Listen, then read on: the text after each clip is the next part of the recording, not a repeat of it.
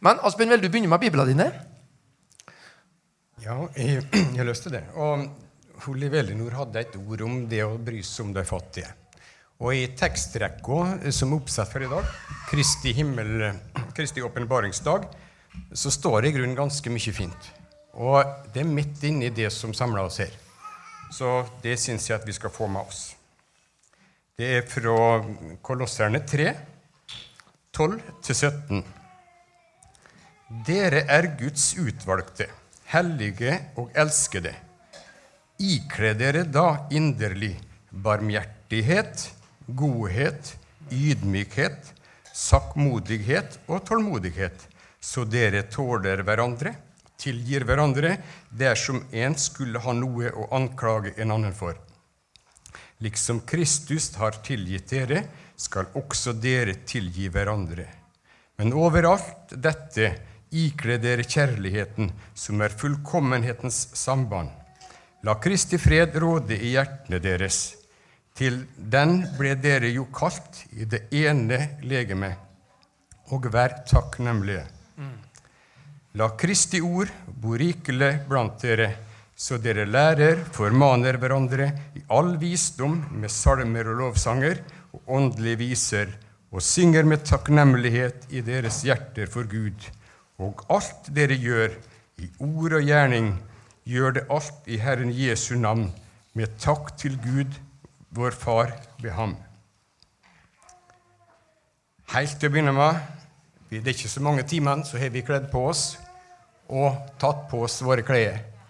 Og så sier Gud åt oss her, eller eh, Paulus sier her, at vi skal ikle oss barmhjertighet. Vi skal ikle oss. Vi ser det slik at nå skal vi ta på oss noe.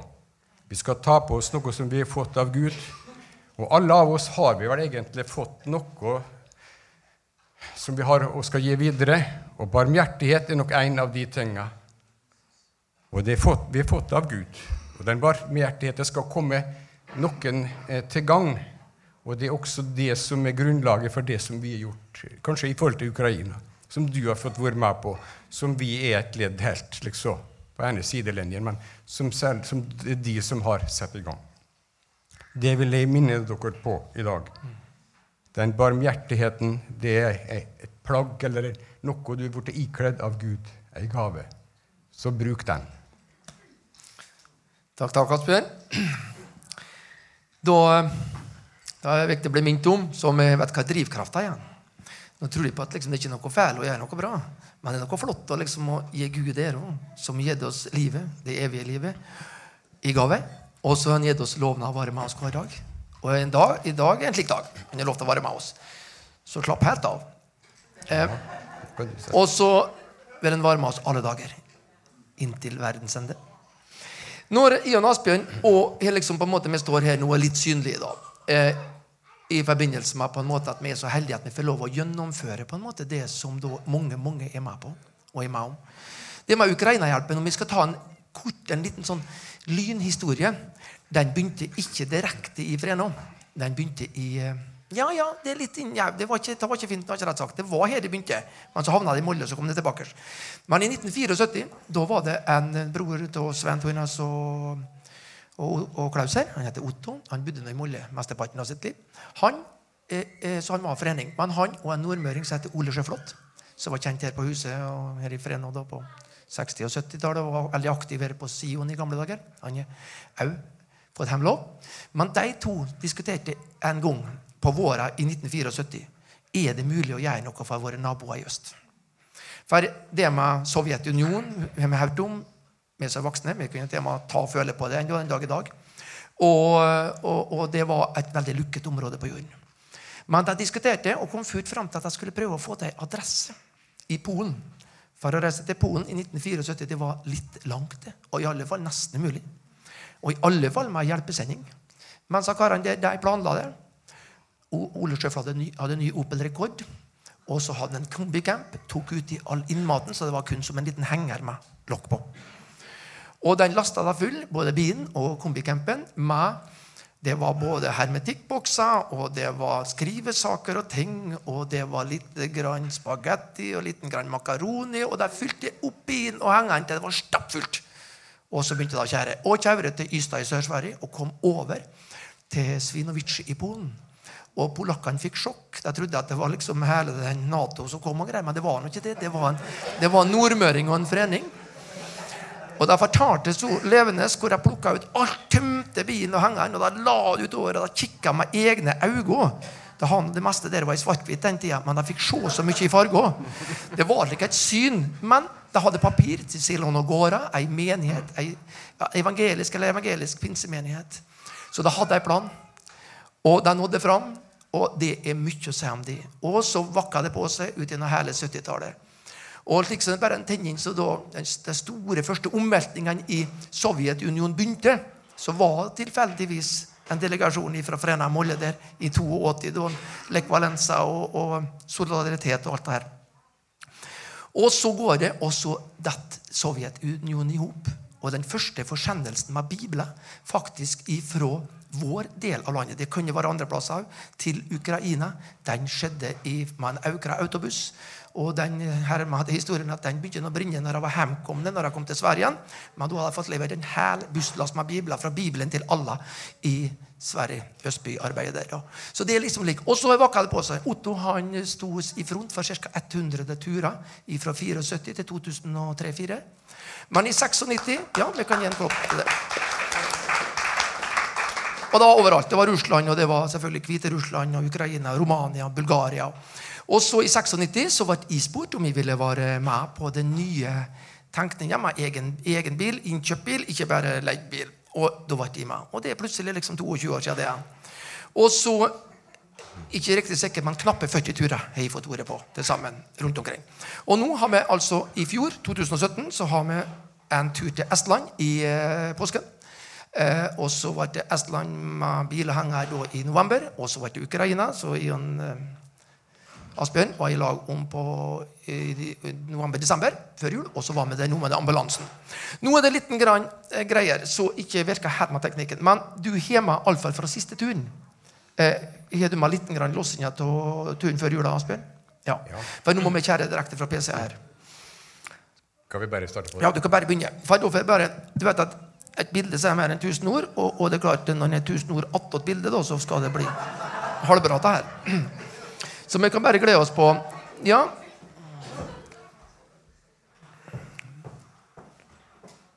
Det vi ser her nå, da eh, Det første bildet vi så, det var fra den store eh, pinsemenigheten oppe i Kminlinsk. Kminlinsk fylke det er et fylke i, litt, i, litt på vestsiden. Eh, vest, Sør-vest. Ganske langt sør. Ikke så langt faktisk til Romania og til Moldovia. Det er 24 fylker i Ukraina. Ukraina er et fantastisk land. Det er ubegripelig før en kommer der nå. Det kan virke kjedelig helt til den blir overmanna av storheten av jorden. Ukraina er dobbelt så stort som Norge i areal. Akkurat dobbelt så stort. Eh, I Norge med 3 så er dyrka mark. I Ukraina har de knappe 80% Det forteller noe om så norske storhavet det blir nesten smått i forhold til den ukrainske åker og land. Voldsomt. Eh, og der er det vi har fått bevege oss nå, da, år ut og år inn, da, gjennom det med Ukraina-hjelpen. Men som sagt, vi har Estland, og vi har eh, Romania òg på programmet med jevne mellomrom. Men det blir vi skal fokusere på Ukraina i dag, nå da, i og med at tida går fra oss videre. Vær så god, Asbjørn. Ja, Tidligere så har vi da hatt opplasting slik som vi gjør, og det er borte på Dalen. Og jeg synes det er rett også i en slik sammenheng som dette, å rette en skikkelig takk også til deg ute på Dalen som eh, gir et sett til disposisjon, ei låvebygning, som kan fylle alt det som da gavmilde foreninger har lyst til å, å gi. For en plass må det samles opp før det går. Så Og de bildene ble ikke med på lastebildene ble ikke med i dag. Dessverre, Eh, Dessverre, dessverre. Noe ligger bortpå det som vi ikke greier å få hit. Ja. Men eh, det er ofte vintersdager. Vi starter av gårde og ned gjennom Gudbrandsdalen med litt eh, vær og vind. Og så er vi da over til den grensepasseringa som skal skje inn mot Sverige. Ja, Svinesund er noe kjent for de fleste. Det er noe, det er noe der harryhandelen kan du si liksom blomstrer. Men vi er ikke ute i det embetet i så henseende, de så turene her. Og når vi da reiste før jul, så gikk den der eh, passeringa kjølig så greit. Det er med disse her, den her traileren og den hengeren bak. Og til sammen så er har ca. en Ja, mange det, tonn? ja det, det varierer nå litt etter hva type lass er, men fra 14 til 18 tonn lass. på bilhenger. Med klær, sko og saker og ting. Det får vi komme litt tilbake til etter hvert. Og vi kommer og står raskt gjennom Sverige, og så får ferga over til eh, Gdynia i Polen. Og vi da får glede oss over å kjøre på flotte veier gjennom Polen, der vi kan se mye fin, fine områder rundt, der det er grøderikt og, og flott på mange måter. Vanskelig å forklare utviklingen i Polen, men første gang jeg var på tur, det var i 98, og kjære mine Polen og Slovakia, Tsjekkia, Ungarn osv. til Romania. Eh, da var det gamle dager, altså, rett og slett. Liten korreks. Det, var ikke, ikke 40-50 år siden vi var fattige. Altså. Det var 100 og 200 år siden. Men det kan vi snakke om. Det er et annet, annet alvor. Vi har vært så rik så lenge med nå at jeg tror at liksom skal det hele vært og skal være. Men vi skal ikke langt før at en helt annen verden. Og her har vi det polske gatekjøkken, der vi kan sette oss ned og få nyte god mat også. Ja. Og det får vi også si at det å reise på tur slik med hjelpesending, det er også trivsel. Ja da. Vi går vanligvis opp i vekt. Mye av turen går på dagtid, selvsagt, men også på natt og i kveldstid. Og da er det ikke bestandig så mye å se, men lys og inntrykk det fyller oss hele tida. Du vet at Det er like interessante kontraster. Eh, I Polen nå så begynner det å bli et enormt motorveinett. Men du kan liksom plutselig komme inn i smålandsbyene. Og, og, og stoppe i en sånn smålandsby i Polen, det, er, det må bare prøves. Det er slike flotte små kafeer og restauranter. Og porsjonene er så enorme at det, Ja. Men Polen er på en måte utrolig velutvikla langs veiene. Utrolig flott. Men å reise gjennom Polen uten å berøre også den tida ved krigen som var, der mange ja, tusen jøder ble drept, det er heller ikke råd. Så her har vi et eksempel på det. Ja, Vi snakker selvfølgelig ikke om tusen, vi snakker om millioner. det som skjedde i Polen. Da er i Maidan eh, i eh, Lublin. Og det er nå et av de mest kjente konsentrasjonsleirområdene. Det er nå Auschwitz som er mest, eh, mest kjente. da. Og eh, der har vi mange når vi bruker å stoppe i Lublin, gjerne siste natta før vi skal ta grensepasseringa. Da står vi faktisk helt attmed der. Og da kan vi bare gå bort dit, og så står vi på kanta og ser. Da der er i dag ei gigantisk turist... Eh, vi kan ikke kalle det attraksjon, men et alvorlig besøkssted for turister fra hele verden. Og ja, en dag så må vi kanskje ta oss en tur i lag nedover og, og, og, og få del i den historien der. Og For dere som også sett på Dagsnytt de siste dagene, så vet de at akkurat det som har med konsentrasjonsleirene i Polen, det er faktisk aktuelt oppe.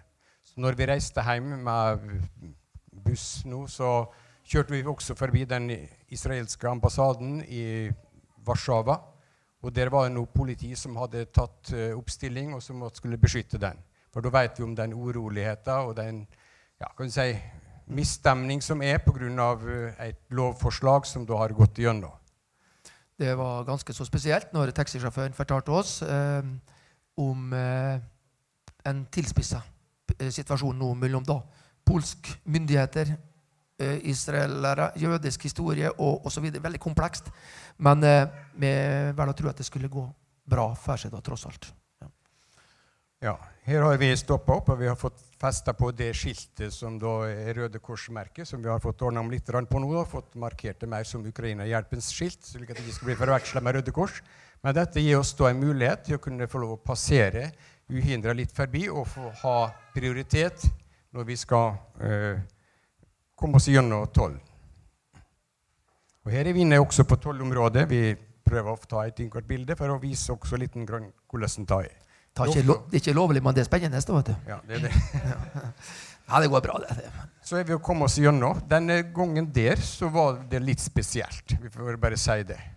Det var i slutten på november, og vi tærte vel faktisk en 500 lastebiler som sto opp På polsk si- på polsk på polsk side Ja. før vi kom inn til denne grensa. Og, Og eh, gjennom grensa brukte vi ti timer ja. for å passere. Det er ca. fem timer ut av Polen, ut av EU, ut av Schengen-området, for å komme inn i ingenmannsland over det som kalles for Sovjetbrua. Og der tør jeg ikke ta bilde. Eh, for det, det er ikke at det er store spenninger, men det er enormt med oppbud med vakter eh, som er bevæpna.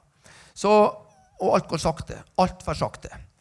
Så kommer vi da inn på ukrainsk side, og da har vi en mann med skjermue rett med der. Han kommer til å få se kanskje mer av. En Pavel Sivets, som er vår mann. Og da er det bare å begynne på, på Mørna på nytt inn til Ukraina. Og ti timer er nok et vanlig gjennomsnittstall. Jeg har vært med på 24 aktive timer. Men noe særlig under ti går ikke. Nei. Så mye, så mye kontorer skal det innom. Åtte-ti instanser på hver plass. Og denne natta her så var det litt, litt slik da her, og det begynte å skje mest. Og den tida der så passerte vi også lastebiler på andre sider.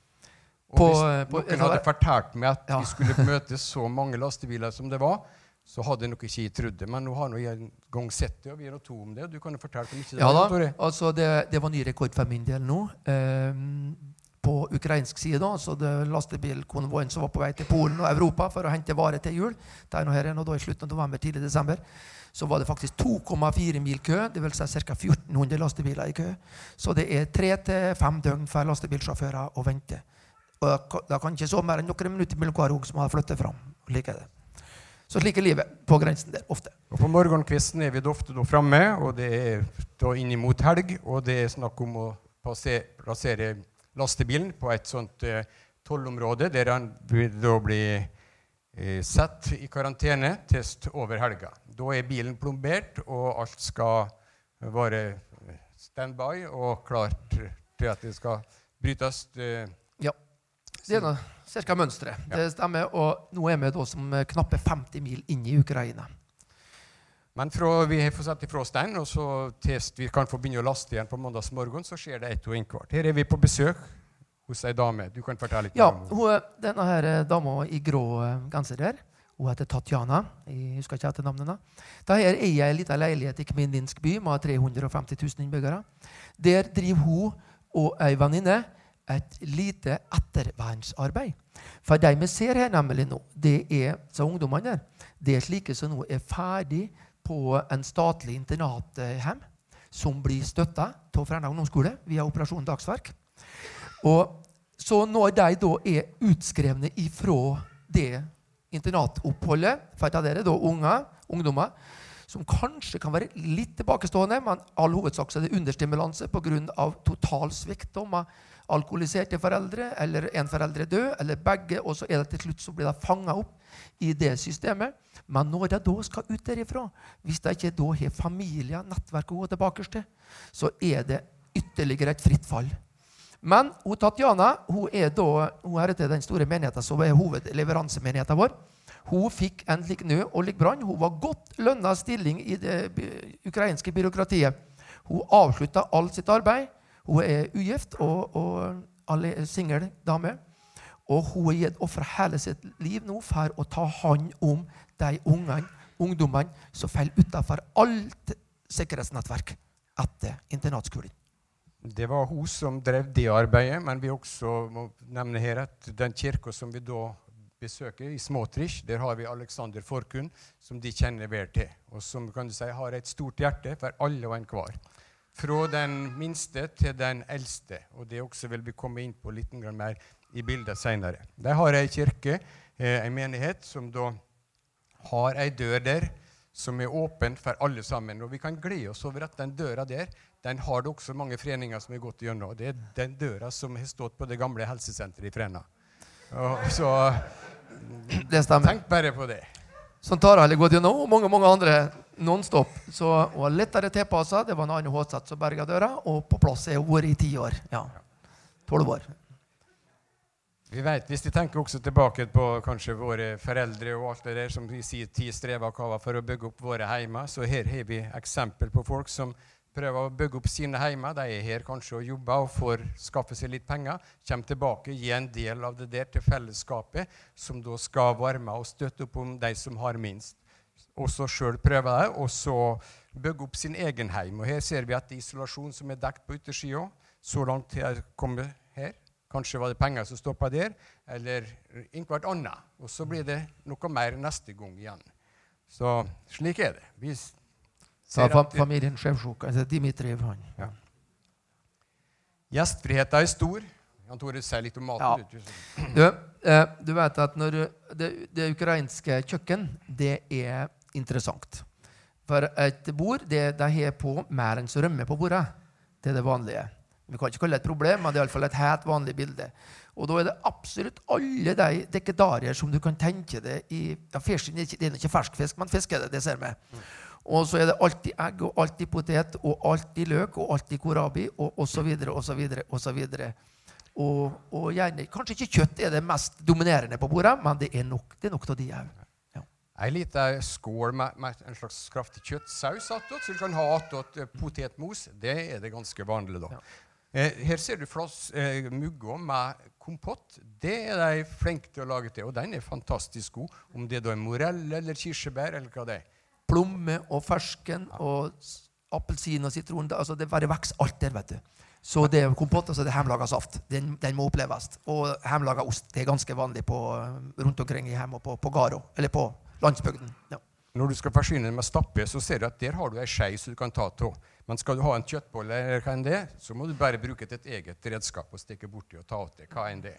Så slik er det. Det går så det suser. Ja.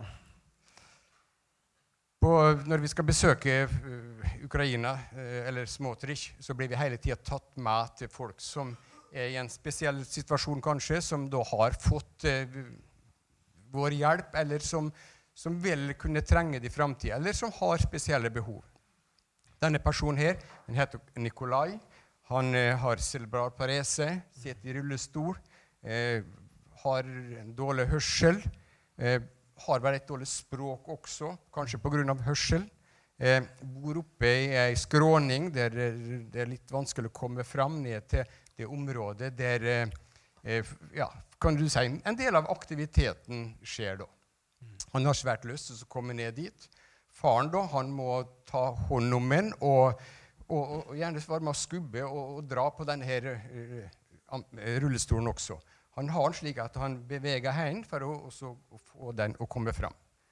Og dette her fikk vi oppleve og se når vi var der. Etter at vi kom hjem, da, så begynte vi å tenke på hva vi kunne gjøre for denne mannen der. Ja, ikke helt sant, Asbjørn. Du begynte å tenke med en gang, du. Ja. Eh, det er helt spesielt. For det man, Vi kunne ha vist hundretalls med fattighusbilder. Eh, jeg har vært inne i så mange, og, det, og på bildet kan du få se noe om at det du ikke kjenner, er i fullt monn på en måte alvoret og kanskje lukta, spesielt på sommerstid. Men, eh, men eh, det er noe rart. Det er det liv, det er det håp. Og, og det, det som skjer her Mor hans da, hun eh, dør av kreft etter en voldsom lidelsesperiode for et eh, år siden.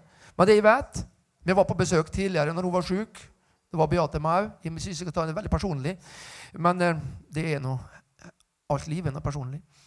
Og det så, så, vi, ba der i lag da, for mor hans Nikolai. og så sa hun Beate at hun hadde vært syk. Ja, så sa hun det at hun hadde vært med og bedt for henne Beate når hun var syk. Så det var. Og så døde hun, og hun var selvfølgelig hans holdepunkt i livet. Eh, faren har vært en arbeidsom og gjort alt han kan, men det er rart. Når mamma forsvinner, så er det ikke helt enkelt. Men han Asbjørn han begynte å tenke lenge før han kom hjem. Det skal jeg fortelle dere. Ja. Ja, Vi stopper der. Stopper jeg nå. Eh, her har vi også på besøk, Ja. på besøk, og det er ei bestemor og barnebarnet. Og de vet alle sammen hva slags bånd det kan bli i den relasjonen. Og hun dama der hun har virkelig fått eh, opplevd det å være bestemor. Hun hadde nok tenkt at hun kunne hatt fem stykker til rundt seg der, som var søster til hun jenta der. Men hun har da den ene. De andre de er tatt til en institusjon og er der. Eh, det har vel litt med alder å gjøre. og det er et system borti der som tar hånd om også unger. Så det er ikke helt eh, overgitt til seg sjøl. Men det er nå en gang slik at uh, godt er å få være i nærheten av noen og føle på det nære forholdet som er til slektninger. Eh, Økonomien er nok ikke så god, og det der. Og her kan vi få lov å vise et bilde. Det er faktisk det er så konkret at denne her jenta, som kanskje har vært i en liten traumatisk situasjon I hvert fall så fikk det for oss eh, fortalt. Og hun får det her da nye sko og en ny jakke fra en navngitt person i Fræna. Og kan glede seg over det. Bestemora heter Anna, og hun er 60 år. Eh, 61. Hun er like som Alexander. Hun er 61 år gammel. Og, da, og, og, og, Jana hun er da 18 år og bor med bestemor. Voldsomme historier. Her er vi en person som har jobba her i, sommer, som da vi ble invitert til.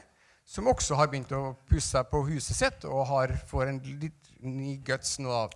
Nå har han penger å bruke som han har tjent i Norge ved husmaling både her og der. Han heter, Fju- han heter Roman Fjodortsjenko. Han til høyre med briller.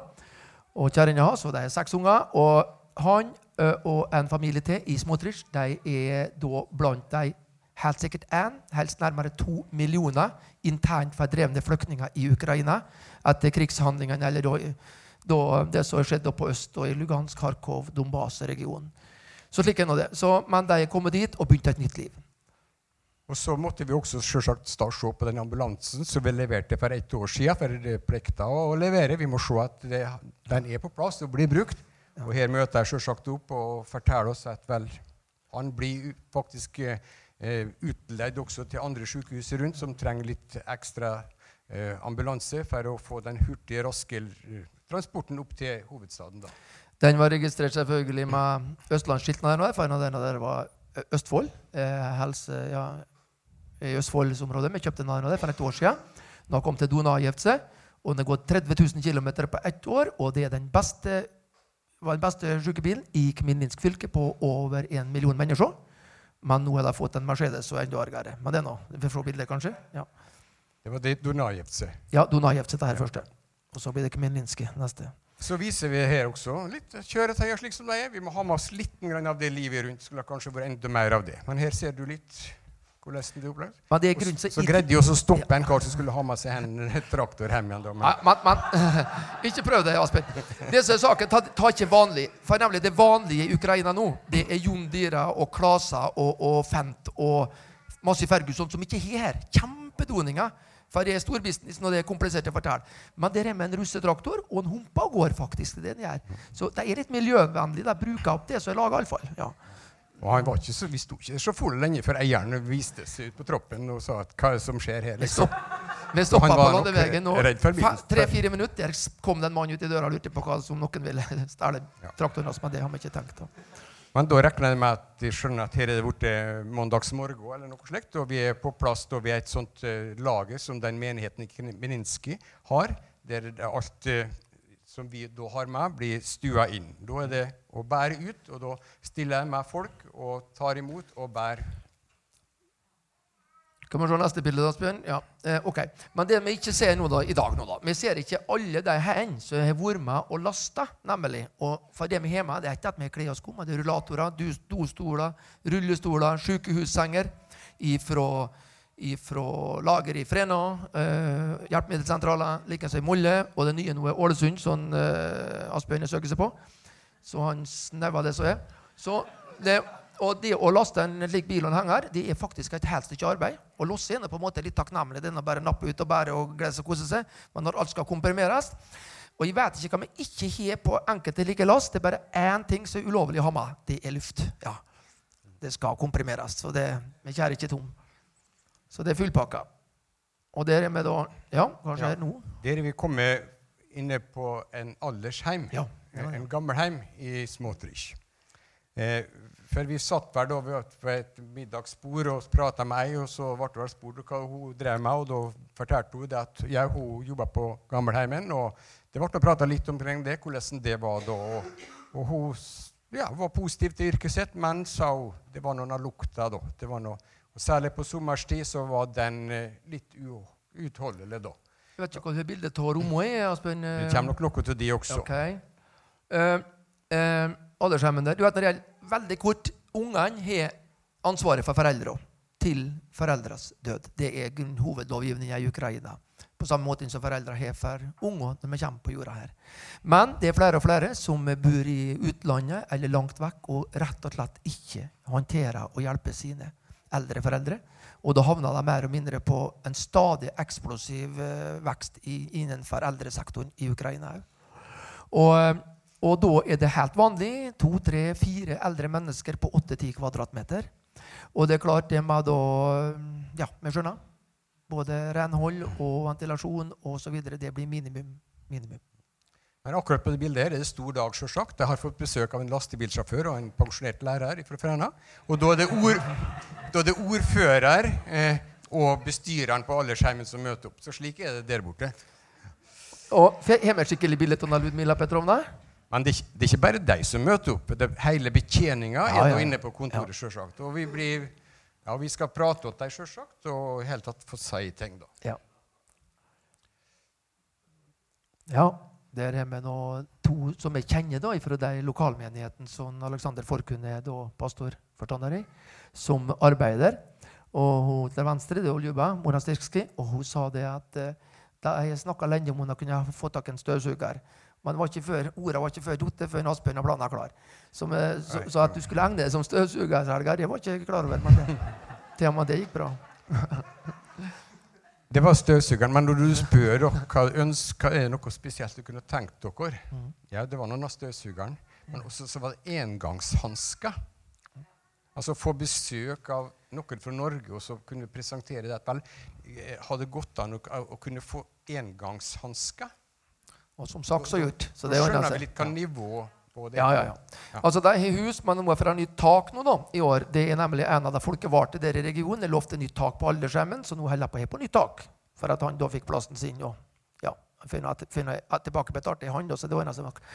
Men der er vi inne på et rom, og eh, det er fascinerende. For det er klart, det, det er eldre, flotte folk som da har gjort sin plikt i historien, i livet.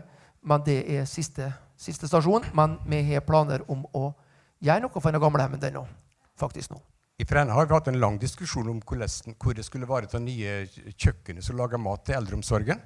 Det har ikke det store problemet her. Her har du vel Du ser iallfall en tredjepart av kjøkkenet her nå, der det blir laga mat til denne avdelinga her. Da. Det er brødskiva. Jeg, jeg tror det er 35 der. Det er 35 i hvert fall som bor på den gamle heimen der, med en smørklatt oppå, da.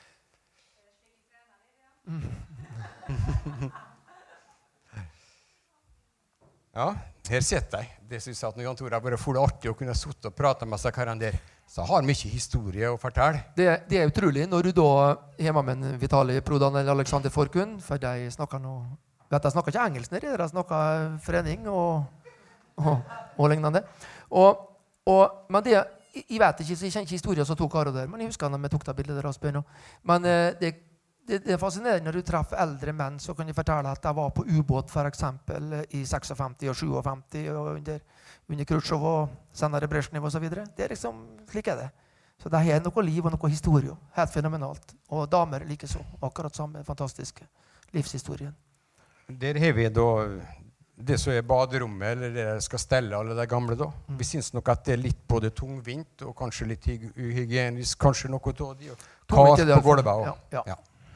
Så det var et av de ønskene som vi hadde, har lyst til å få ta tak i, og kanskje også gjøre noe med, hvis det kan la seg gjøre. da. Det lar seg gjøre. En trenger ikke reguleringsplan for å få gjort noe der. i alle fall. Det er bare- Men her ser de noe fint. De har en, de har en fin hage under utom der, med tak på. Så den er en flott plass der de eldre kan trekke ut på sommerstid og slikt. Og her ser du de også har lysten til det å pynte og gjøre det fint. De ser de hva de er laga av?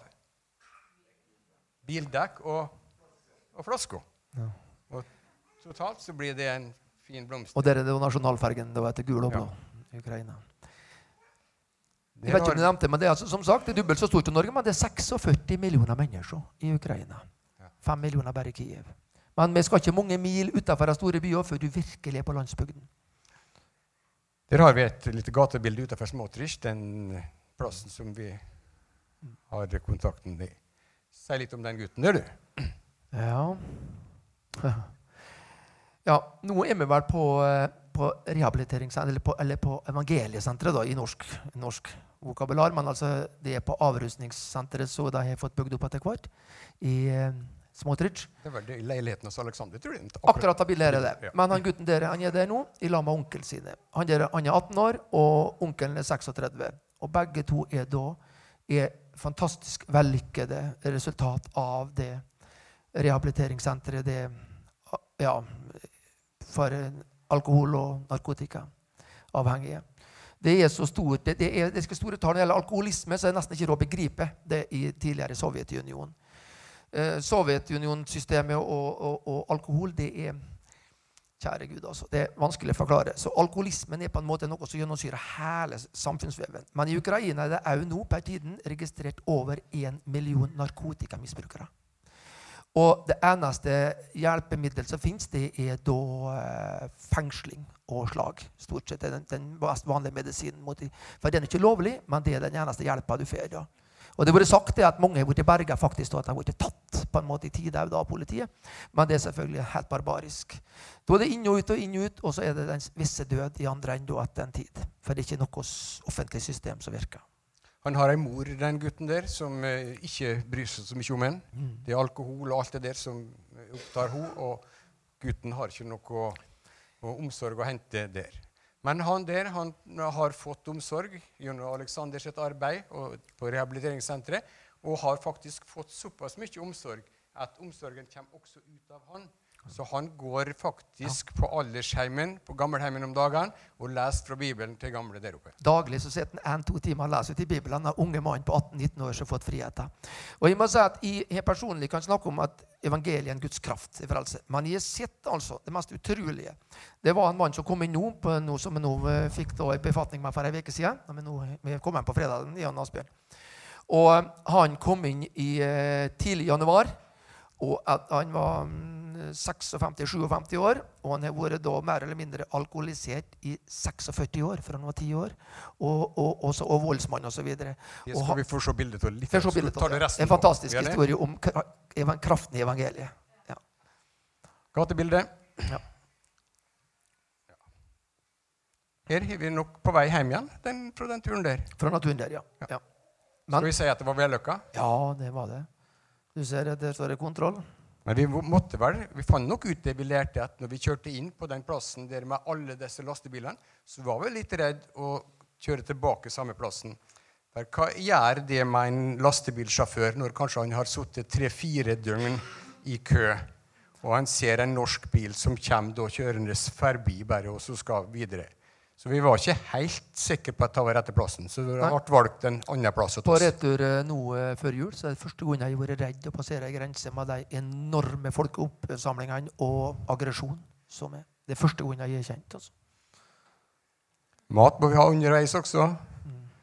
Og smeltosen, den er god, og brødet er godt. Og Ja. Jan Tore fikk noe fryktelig mye godt brød. borti Ja da, I sa nå var det at den gamle kjerringa det var det beste brødet jeg har spist. Og det, det var sant, vet du, men det var ikke helt smart, for jeg ble selvfølgelig åtte brød da bare på. da. Hva tror de som møtte oss når vi kom bort igjen nord etter, etter, etter jul? Ja, Der sto hun igjen. Ja, det er helt sant. Ja. Men eh, at vi også skal være sikre på å få oss ut nå uten for mye eh, rusk. Vi blir skanna her, faktisk. Ja, det er, da, da er jeg på vei inn til Polen igjen nå. Det er nå turen før jul. da.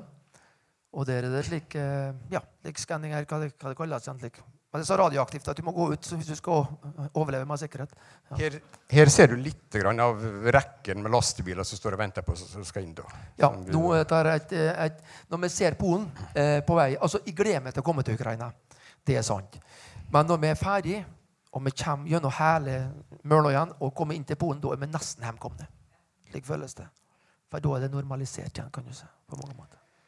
Men da er det ikke folket på en måte med den samla situasjonen. Enorme mengder med folk og spenninger. Det har vært faktisk konflikter nå i hele høst mellom, eh, mellom eh, Ukraina og eh, Polen. Ikke noen væpna konflikter, men verbale og politiske. Mellom grensestrid og forståelse av hva- som var skrevet og ikke skrevet etter første verdenskrig. Så det er en konflikt fra 1919 som har bluss- blussa opp nå. Men selvfølgelig Polen er underlagt EU-reglement, og de må holdes i skinnet. Heldigvis. Men ukrainerne de er da brysk og ja. Så liksom ta dere kan vi òg på en måte få litt innblikk i. Liten grann. Nå ser vi bildet av ambulansen, og her kommer det inn både det ene og det andre og det tredje. Du vet, Tida går, men eh, greier vi det på 15 minutter nå, Asbjørn? Avslutningsvis her. Vi må prøve det. Er det, er det, går det bra? Hvis vi sier 15 minutter.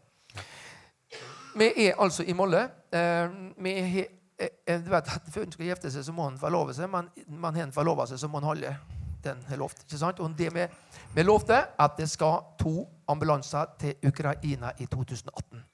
Det, den, den vi så i stad, det var i 2017. Uh, 2006, 2016 blir det faktisk den som var, den som var vist. Men så blir det to nå i 2018. Nå her var vi henta i Molle. Det var ambulanse M125 Helse Midt-Norge. Det er en 2012-13-modell Mercedes Sprinter. Godt 320 000.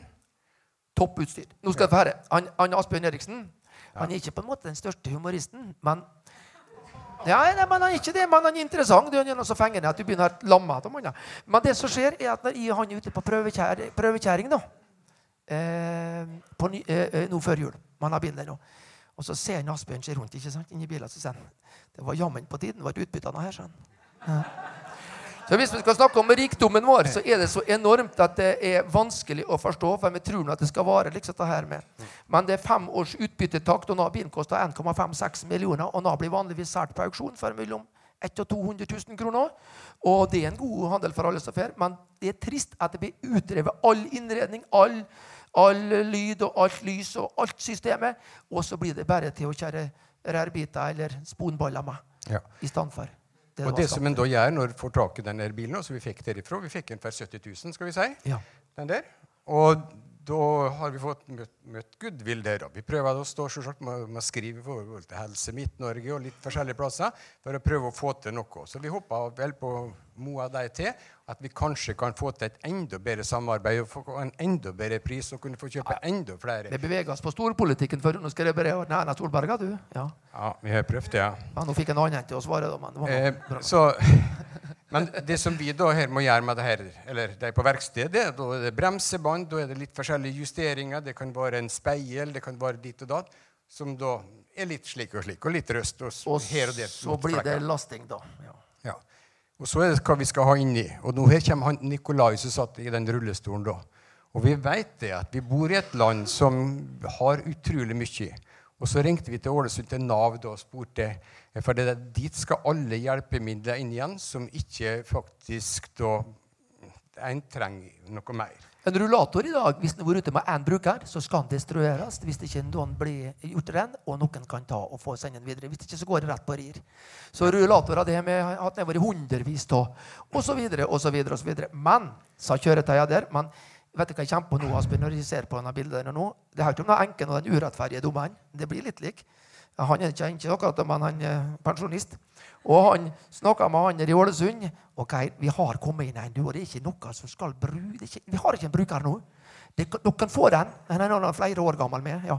Så den ble med til Ukraina, og jeg får håpe vi får se bildet.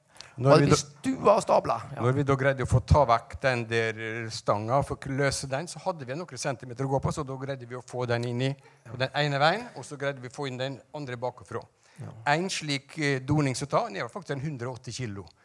Og så den andre som står oppe på senga, han er også noe tilsvarende. De er, de er rå å få til. Slike kjæredoninger står oppe på senga nå, men den slik som står nede på gulvet, en lik offroad-type, det er sjeldent. Men han eh, Asbjørn fikk tak i. Ja. Ja, det, det, Ja, var, ja, det, det var- var systemet, det. Ja. Ja. Det som vi også ønsker å få fortelle, det er et budskap til hele det ukrainske folk som ser denne bilen. Og Her oppe så står det, er det Norge, og det er Fræna. Og nede der er det Ukraina, og her er Kremlinski. Og midt imellom der så har du en tråd. Det skal vise et bånd imellom. Og her har vi fått inn på det ordet vennskap.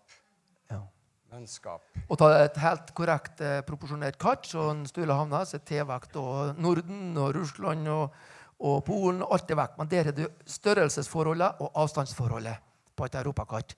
Norge, Ukraina. Og Det var er litt grann storpolitikk i det her, da. For her nede ser du også øya Krim. Krim med Malberg. Den er med på kartet. Der. Ja. Der, ja. Ta likens år heller.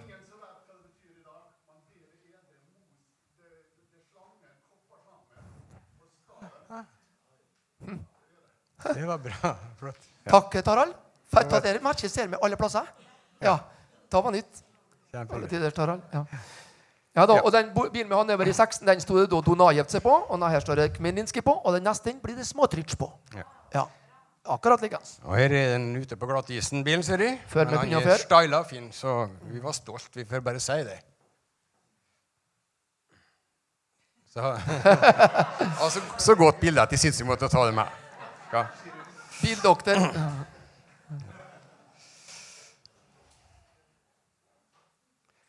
Ja her er vi faktisk inne på fergen allerede. Og, og her har vi faktisk fått tema tatt bilde av en toller. Det var litt kaos. Men vi, var, vi så Ja nesten at vi var gjennom der, og da kosta vi på oss. Hvis en ser stort på det, så, var- så ligger tollere og syndere bedre an enn fariseere. Det vet vi. Vil ha skrifta. Ja. Og her er vi kommet over på ukrainsk grense, og det er snø og litt lekt. Og faktisk mye tåke, så det er en liten dis over det hele. Det var litt vanskelig å se til, Ja. til tider, var ikke det? Det er litt artig. Når jeg ligger på morgenen, så spør han Asbjørn prater jeg tull nå, for han er ikke riktig sikker på om det For vi er noe slitne da, vet du, når vi framkommer. Men der kom vi fram da søndagsmorgen. så her er ikke lenge siden. Det er bare er 14 dager Det er en uke siden, da, ja. ja. ja. Og det Men, som, ja. ja, Vær så god. Asbjørn. Ja. Ja, Det som møtte oss, det, det er et, et kor her som synger. Vi, vi forstår ikke så mye av det, men det er fantastisk lyd. og alt. Så jeg hadde ønska at det gikk gjennom anlegget der og inn på det her, selvsagt, at de fikk høre. Men kanskje kan det bli annen Vi kan ha til gode. Det er bra, det. ja. ja. Menoik Mininski. Eh, Den eh, Og tok du dere, ja? ja. Ja, Hva jeg hva jeg snakket om der, kan du få lov å være stille. Nei, det husker jeg ikke. Men jeg vet i hvert fall det at han, Jan Tore han er svært ønska til å ta ordet. Det vil de gjerne. De vil høre, de vil høre en stemme fra Norge til den personen som har hatt alle disse turene nedover. Og du kan si det at det, det rører nok alle og enhver av de der at han så mange ganger, gang på gang, kommer. Og takket være alle de som da sender av gårde eh, alle disse tingene sine. Og hun er fantastisk i engelsk. da, Hun heter Tanja. Og der, så sier jeg Did you speak English very often? Yes, so. I am English teacher. All right, sa jeg. Ja. så hun, var- hun var smellgod. Her har vi fruen til en um, Alexander, det er. Alexander Onila, eh, som står og sender hilsen. Og den var tenkt Hun, hun er en venn på huset. Og det med, eh, mange vet, men ikke alle, er at i sommer så var da var hun helt sikker på at hun skulle forlate denne jorda. her. Hun fikk blindtarmbetennelse, som da sprakk blindtarmen, og, og en stor operasjon, og den gikk ikke bra. Så etter et par måneder så måtte hun reopereres, og, og, og hun trodde ikke hun skulle overleve. Men det gjorde hun, og nå går hun sakte rett til veien. Som har vært så sleta, så sleta, men eh, snakk om mor i Israel. Jeg, jeg kjent av folket der i nå da 22 år, men første gangen i 98 Romania, 99 i Ukraina. Og jeg bare ikke sett annet enn dag og natt og seg for hundrevis av mennesker rundt seg. Og det de griper inn igjen i tusener av mennesker. Så når hun løfter hånda der, så sender jeg hilsen til Norge. Ellen Drogen og Hendry og Oddbjørn var nevnt også, som de hadde, hadde besøkt. Så det er, er i deres hjerte. Og det også skal de vite, at vi i Norge vi blir velsigna av alle disse bønnene ifra disse personene. Og det er ikke bare ord, det er slik som vi erfarer. Ei, ei omsorg og ei, ja, noe Gud gitt som de sender over og tilbake til oss. Og det skal vi være glad for. Så kan du få lov til å ta resten av den historien. som Oi. Ja, vi får dele litt på noe der, Asbjørn. Eh, eh, den mannen der, han heter for Stefan. Etternavnet husker jeg ikke. Eh, der ser vi til høyre så ser vi Alexander Forkun, vår venn på huset her. og Norges venn. Han kom faktisk på Harøya første gang her på sesongarbeid i 1991. Siden han har vært i Norge to-tre måneder i året hvert år. siden den gangen Alexander Forkun til høyre. Lang og utrolig historie. Men den mannen til venstre i blå genser der, han blir plukka opp rett på nyåret her nå i år. I, eh, på gaten i Kamnets-Podolsky. Det er en naboby tre mil fra Smotrich med ca. 120 000 innbyggere. Han eh, Kom på et møte, tror jeg. de, de kom inn på et møte, eh, og de kom rett fra gaten. To mann. Og eh, da er det altså at han, knu, han et knust fotblad, så det var nok litt grann at han ville ha varme og kanskje litt mat. og litt bare. Men mens de sitter der, han og en kamerat Han i blå genser på sending der, så eh, når møtet blir, inn, når det blir innbudt til, for, til, til, til forbønn, og til, både til frelse og forbønn, så kommer han fram og bøyer seg og gir seg liv til Jesus. Eh, men så er det slik at det ansvarlige mennesket stopper ikke med de, vi fortsetter. Og de begynner å se på, og ene fotbladet hans er så knust av et, av et uhell et eller annet da, i alkohol-rus-situasjonen. Og det er allerede påbegynt kålbrann. Så nå er han under aktiv eh, medisinering med hensyn til ja, antibiotika for å få kontroll over det. Og nå er jeg ikke sikker på om amputasjonen av fotbladet hans er ferdig, eller om det skal skje i uka som kommer. Ja, Det ble sagt at jeg skulle vente ei og en halv uke Ja, eller noe ja. slikt til for å prøve å få ned hevelsen, slik at det skulle bli lettere å Da er det Donajevs sykehus. Og det, det sykehuset da, det er hovedsykehuset for skal vi tippe for en 150 000-200 000 mennesker. Og det er, sykehusoppholdet er i prinsipp gratis, men alt du trenger altså Da må jeg nesten bruke ordet en gang til alt. Alt i medisiner og mat osv. Det må betales av vedkommende eller, eller pårørende. Og hvis du ikke har det, så blir hjelpa så lite at du kan ikke overleve av hjelpen. Så den personen her er vel i en slik situasjon at hvis ikke han fikk da lovnad om at her ble det penger til antibiotika, eller det ble bandasje og alt det der, at det ble betalt, så hadde nok den der operasjonen kanskje ikke blitt. Og da hadde vel det kunne ha ført, eller ville ha ført, for det var sagt, ja, det. Ja. ja vel, det, det, var veldig spesielt, men eh, det var vel var det han der som var totalt løst ifra både alkohol, ja. narkotika og nikotin eh, på, på, et, på et blunk. Og nå er man, eh, Men han var så innvevd i sitt liv at enda de har all mat de fylte opp alt som trengte. Så etter to dager så gikk han ut av sykestua, sykerommet, og ut, og de førte med ham litt, for han gikk fredelig ut. Og da var han i en søppeldunk ute på plassen der og lette etter noe som han var helt sikker på at han hadde nok. da. Men da måtte Alexander gripe inn og si at uh, også, sant? Så sivilisasjonen begynner å vende sakte tilbake. Så en slik mann er det som sitter Et vanlig, flott menneske på noen og 50 år. Han har faktisk to bånd også, men eh, de er voksne. De vil ikke ha noe med å gjøre, for han har blitt uteligger, en boms. Som da, det var nok ikke noe å, som ikke å forholde seg til på en måte. De greide ikke hjelpe ham. Men du ser Bibelen hans ligger på sending. Mm. Og nå, nå, nå leser han høyt til seg sjøl og til kamerater rundt omkring eh, på rommet. Men det her er et rom da, på fem stykker. Og her har vi dostolen, og bøtta står under ta, huset er ganske nytt. Bare en fire-fem år gammelt. Ta sykehusbygget der. Ja. Så slik er det. Det er oftest en toalett i enda på lange korridorer. Men det har heldigvis to stoler på alle rom. da. Liksom. Ja. Nå fortalte Aleksander det, at han skulle også den uka som kommer nå, så skulle han og Nila ta på besøk hit.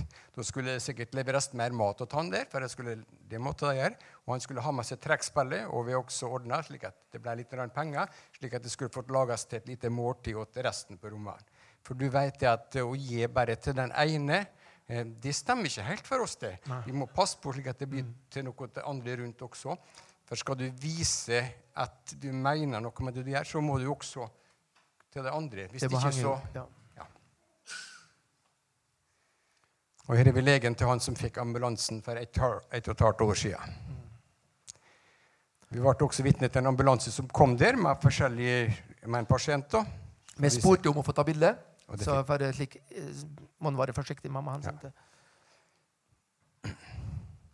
Og det gikk bra, da. Ja, Der er utafor en plass der jeg deler ut suppe som da til uteliggere. Og jeg hadde fått tatt ta bildet her. Han karen som står med hvit krage på her, han har faktisk to føtter som er avkutta midt på resten, fordi at da hadde vært kålbrann eh, eh, da, som er forårsaka det. Men han hadde ikke smerte nå og hadde det bra.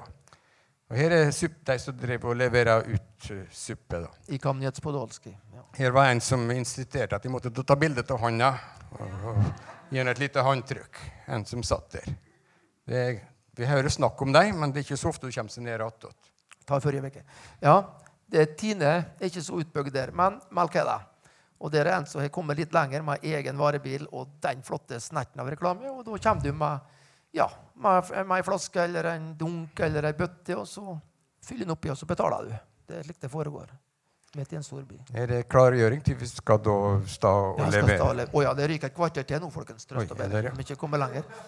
Her er Nikolai. Jeg har en liten serie her. Her ja. får han det. Får på det headsetet som vi også fikk fra Nav i Ålesund. da. Han oppdaga innkort etter hvert. Han er tankefull. Så kommer det. Og vi ser han kvekner til. Og så skal han sjølsagt ut og kjøre.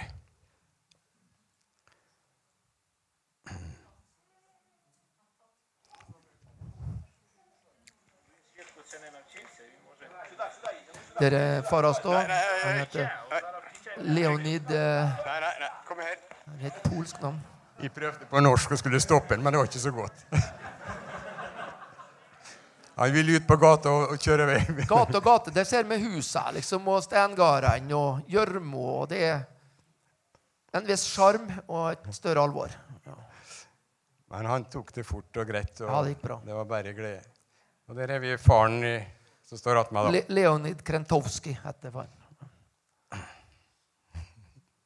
Bildet som viser noe. Er litt forandring for én person. Ja. Så du blir Ja. er studerer nøkkelen. Jeg har sett med det. Han liker utrolig godt å stå nede på, på veien og gjerne av og til dirigere trafikken. Så nå står den gamle manuelle stolen hans attmann der, og da kaller han det for Novaya-maskina, den nye bilen. Ja. Og her er vi Alexander. Alexander fortalte at kvelden før vi for, så han hadde ringt midt på natten til nå, Alexander. Hva gjør du nå? det var noe litt slikt, da. Portsemo. Ja. Måtte bare fortelle at det var midt på natta, at nå var det best å sove litt. Ja. Så har vi jo Anna, da. Bestemora. Som også vi kunne glede meg jakke fra Frenna denne gangen her. Og der er jo Jana. Det bor altså Jana og Anna på ett rom hos denne 18 år og 60 år. Og så har vi den dagen når vi skal få lov å gi denne her gave og denne ambulansen. Og vi ble bedt om å møte opp på det menighetshuset i Kmeninski klokka ni om morgenen. Det er en stor menighet med vel 1000 aktive medlemmer. Og eh, der, eh, der er det med har det lager, hovedlageret vi leverer av, da, så er innunder en sånn misjonsallianse med ca. 45 forskjellige menigheter. Og det er et rigid system mellom da fylke og menighet, mottakermenighet om fordeling av hjelpesendinger. Men nå blir det nå det en enkeltstående gave da, i, ifra, ifra kirka der. Altså så, jeg tenkte liksom, kan En liten parole, en liten overskrift. Og det forklarte jeg deg høyt og greit mange ganger. Det er en gave fra det norske folk til kirken i Norge. Og så er det fra kirken i Norge til kirken i Ukraina. Og så er det fra kirken i Ukraina til folket. Slik at vi liksom fikk det en sammenheng. på en måte. Så det er liksom ikke vår lille greie. men det det er alles store, utrolige sannhet. For det er klart at en slik bil så det, der, det var ikke bare å hoste opp for oss hvis ikke fellesskapet hadde en, at vi ikke hadde økonomi i landet vårt. Så at vi kunne ha en like gave også. Det, og det er helt utrolig. Her har vi Aleksander Forkun, da, pastor i Småtrich. Og så har vi da ordføreren i Kneminski, en by altså med 400 000 mennesker i den Ja. byen. da. Knappe 400 stemmer.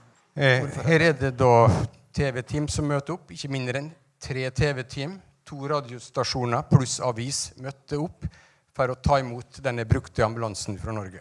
Hva kan vi tenke oss? Jeg sa ikke noe om at jeg bare har gått ni år på skole. Men Nei. Så he, ser vi det som er rundt. Ta, hva- for du når vi havna der? Ja. Når vi da var ferdig med det var ute, så ble vi altså kjørt til sykehuset. og Vi skulle inn der. Vi tenkte at vi var, havna på et kontor og ble sittende og prate litt. Men så blir vi begeleida opp, og der kommer vi inn i en sal. Nå Og det, er vi kommet til Kminlinsk barnehospital. Og som sagt, stor by, knappe 400 000 mennesker, og, eh, og et eget barnehospital i et stort sånn hospitalområde. for det er avdelinger for alt lag. Og denne bilen her, den skal eh, øremerket til barnehospitalet. Hente og bringe mødre, fedre, unger osv. Er Får vi se avdelinga litt? Ja, vi har vel kanskje det. Ja. Ja. Han er heter Ivan. direktørens høyre hånd, da. Og her sitter jeg. Dere, dere, dere leder teamet. Og nå skal jeg fortelle dere noe. Jeg har vært med alle de år, så jeg har vært så heldig at jeg har fått være med på mye interessant og artig og meningsfullt. Og jeg har vært på mange offisielle mottakelser og små og store seremonier. Og, og, og, og, ja, og tusen takk og litt diplomer og greier. Jeg kunne en hel vegg snart nå. Ikke hengt deg opp, meg. Men hun dama til venstre der nå, hun er den nye direktøren på barnehospitalet. Og det er klart det med de politiske reformer det er noe de har holdt på med helt siden da Sovjet gikk i oppløsning. Og det er stadig mer dramatisk og alvorlig. Men på en måte så er det funnet en viss sivilisasjonens spor, opplever vi. Så da trioen der og nå, så der vet om gammeltida, men de forstår tida de er til og hva de vil hen. Og jeg har aldri vært med på making til offentlig mottagelse når det gjelder varme, troverdighet, takknemlighet og personlig følelse av noe spesielt, betydningsfullt. Når gaven er seriøs, men måten vi blir behandla på, det er ikke til og fra ned. For det er lett for å skje med store nasjoner overfor små. For vi må huske på at det er et veldig lite folk i verden. Det norske folk. Men det er bare det at det skjer nesten en magi der, altså den, den, den dagen der nå. Og eh, jeg tror vi er velkomne alle våre livsens dager tilbake som den vi er.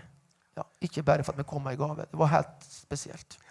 Og I samtale også med henne så uttrykker hun ønske om at hun skulle gjerne hatt mer kontakt med et lokalt sykehus i Norge for å ja, både lære og, og i hele tatt føle at en driver på med noe på en meningsfylt og rett måte. Så om vi da greier å finne noen slags støtteordninger inne i det offentlige, slik at vi kunne fått til noen slags fagfora disse to sykehusene imellom, det må vi også prøve å se på. Alltid når Aspen er på tur.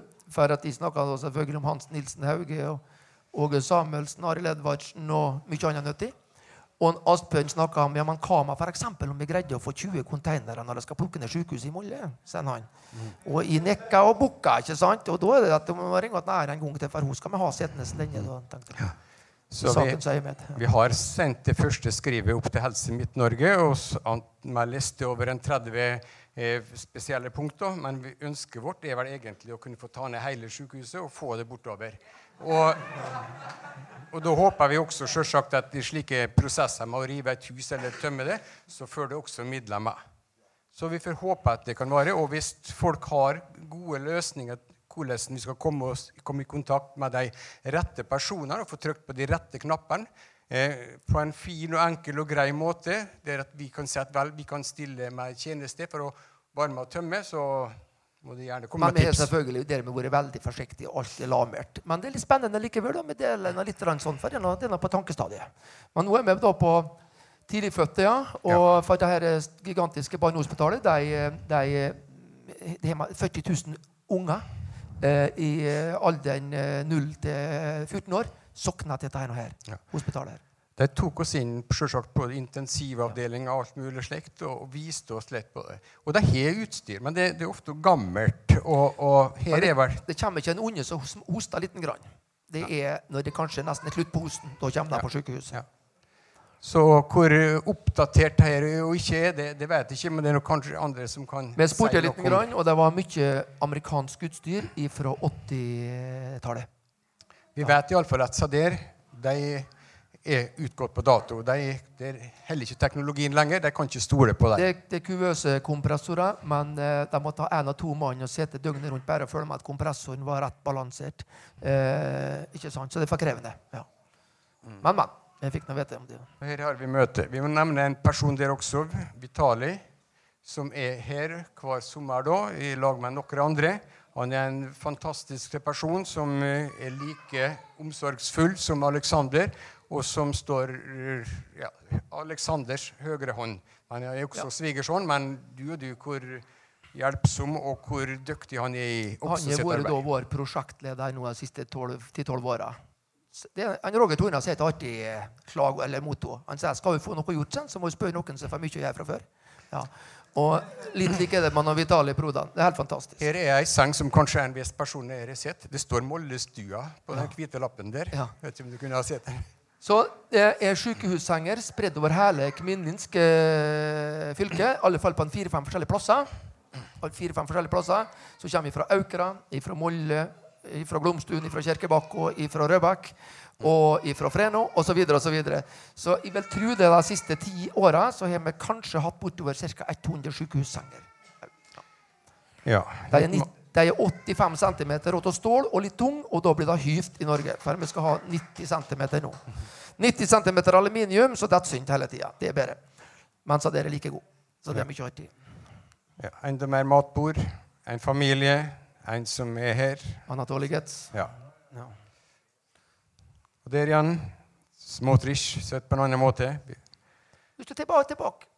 Skal vi tilbake igjen? Nei, nei, nei, vi er ikke nei, nei, nei, ja. Her er et uh, vaskemaskin som da også kommer til rehabiliteringssenteret. Fortsetter Jan Tore. Ja, ja.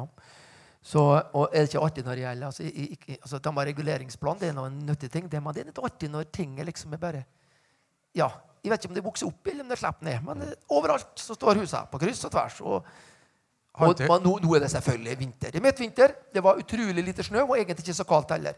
Det er en halv meter snø pluss minus da, og det er sibirvind, og det er 10-20-30 minusgrader i, i, to måneder. Det er vanlig. Desember og januar. Marsen, februar, da begynner det å tine opp, og februar-mars, da er våren i gang. Men det er en utrolig fin vinter i år. Sju og et halvt år i fengsel i han karen der hatt før seg. Så nylig kommet dit, da. Ja. Han må vi ha nye tegn til. Han er tannløs. Han andre inn, han er bra. Nå kan du få lov å komme med Ja, den. ja, der er kameraten at han så såt på, så på den sending, og han er nå altså ja, det, det, det, er, det er så gode resultat, altså. at Og der sitter han. Der sitter han og rensker på DS nå. Ja. Kjell Ode var med tidligere en gang, og meg med sjølsyn fikk se. Eh, Og, det, og hovedmedisinen deres, det er hjerte og klar tale, og så er det bønn, og så er det kraft. Og så er det struktur og disiplin. Og det er bare helt utrolig. Ja da. Det var fort vi Ja, oss. ja, ja. Og så det, å, oh. å. Hæ? Var ikke det fint? Ja. Du, ta var litt spesielt. Ta den av dere forrige uke. ja. Altså. Småtrich sett langt ute fra. Mm. Der er vi ferdig. Dere vi komme til Warszawa. Ja. Så tok vi flyet hjem. Det er noen bilder til, så er offisielle Ja. bilder som ligger på hjemmesiden. Men Nå er eh, vi fôret over litt av før og etter jul.